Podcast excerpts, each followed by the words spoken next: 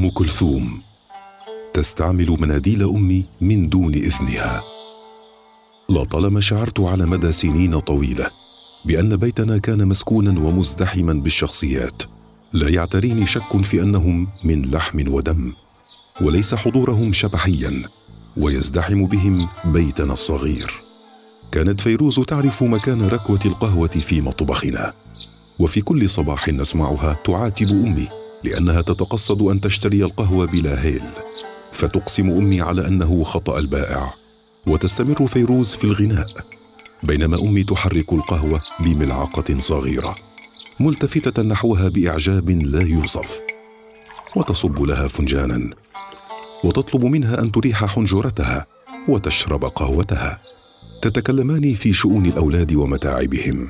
ومشاغل الطبخ والأعمال المنزلية التي لا تنتهي.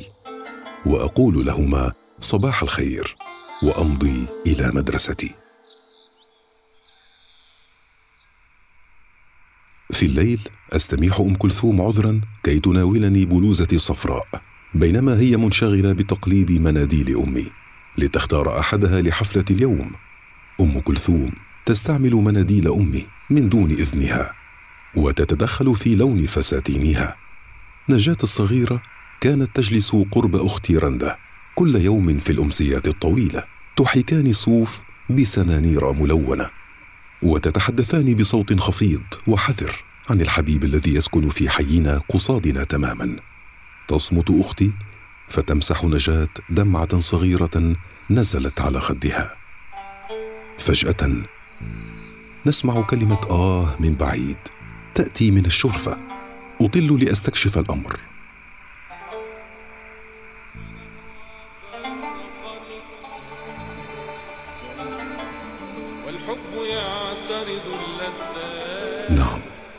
ها هو صباح فخري قد أنهى وصلته.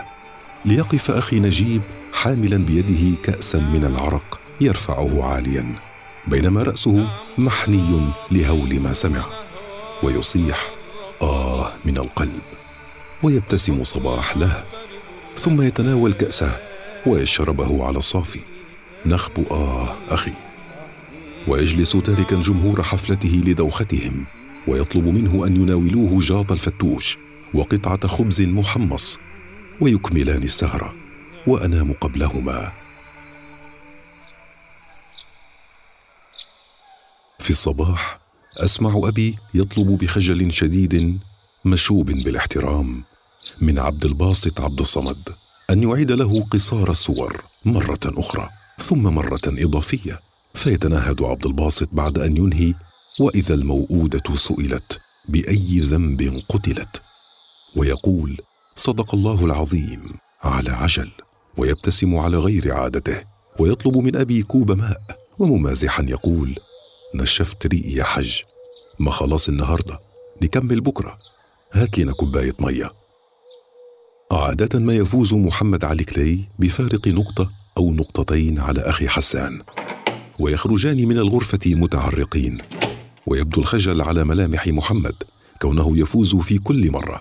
ويطلب مني باستعجال أن آتي له بمنديل مبلل وبعض الكحول.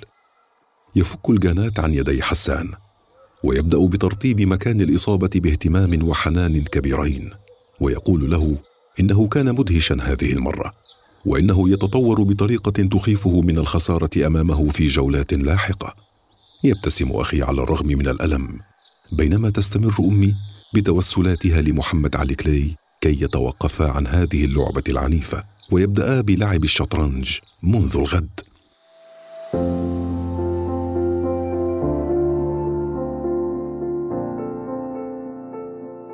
كانت هذه التوسلات تجعل كاسباروف يبتسم بهدوء من دون أن ينظر ناحيتها منتظرا أن يقرر أخي إبراهيم نقلته الجديدة.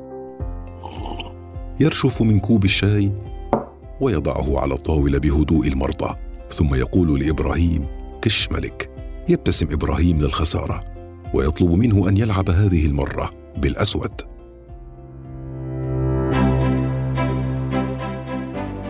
كنت أتحمس للصغب والسجالات التي لا تنتهي بين أخي مراد واصدقائه في غرفة المكتبة.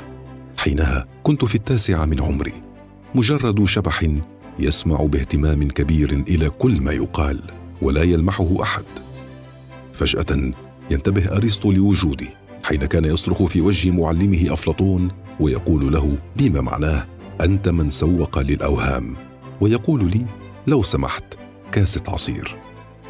ينشغل أفلاطون بحديث جانبي مع أخي غير مكترث باتهام أرسطو بينما يعلو صوتا ديكارت وداروين حول أمر لم أفهمه. يتدخل ماركس في النقاش الدائر.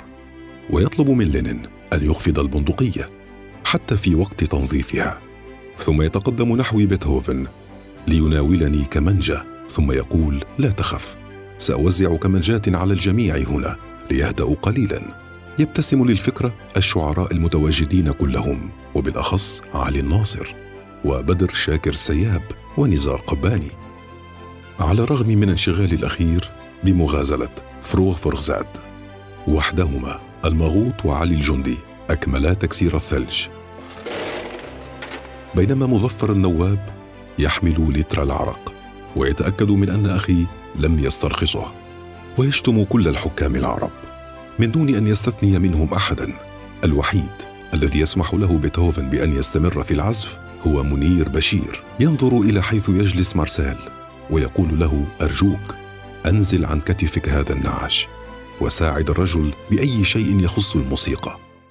يضحك محمود درويش من قلبه ويمد قدميه على الاريكه ليرتاح قليلا متعذرا من أينشتاين ومن الشيخ إمام. في زاوية ما كان يطيب لعباس كيارستمي وآل باتشينو ومارلون براندو أن يشربوا الويسكي بعيدا عن الصخب بينما أحمد زكي ينظر إليهما من بعيد بحسد لطيف ويخبر سعد الله ونوس بأننا حقا محكومون بالأمل الممل. أختي يارا تكنس الشرفة وتطلب من راغب علامة أن يناولها أي كيس لتجمع الأوساخ. فينفذ المهمه محمد منير يلتقي في طريقه إلى المطبخ بميشيل بلاتيني ينطط القرى ويتحدى بيليه وزيكو ومارادونا بعدد المرات. يتأخر قليلا فترسل أختي في أعقابه ربيع الخولي. فيستوقفه جورج وسوف طالبا منه أن يأتي له بمنديل ورقي وأن يخبر ملحم بركات بأن لا ينسى أن الشاي على النار. ويأتي بفنجان إضافي لعبد الحليم حافظ. في آخر الصالة قرب الباب كان يقف بيكاسو غاضبا من مودلياني الذي لم ينظف الفراشي بشكل جيد. ويستعير عصارة الأزرق من سلفادور دالي. ويطلب من أختي أن تشد له لوحة جديدة. يدهشه أن المسيح يلعب طاولة الزهر مع الإمام علي من دون أن يدخنا ولو سيجاره واحدة ومن دون أي شتائم. كان ريمي الوحيد الذي تتقبل أمي أن يدخل ويسأل عني وقت الدراسة. تضعه في حضنها وتمسد شعره وتؤكد له أنه لابد سيلتقي بأمه يوما ما لكنها في كل مرة تعتذر من سيلفر وتقول له بكل لطف اسف سيد سيلفر. إنه يحل واجبه المدرسي ولا وقت لديه الآن لتشرح له خريطة الكنز. هؤلاء كلهم وغيرهم الكثيرون ممن لا يتسع المجال لذكرهم هنا جميعا. كانوا يسكنون معنا في بيت واحد على مدى سنين طويلة. هؤلاء كلهم شاركوا أبي وأمي في تربيتنا. هؤلاء كلهم شاركونا أكسجين حياتنا.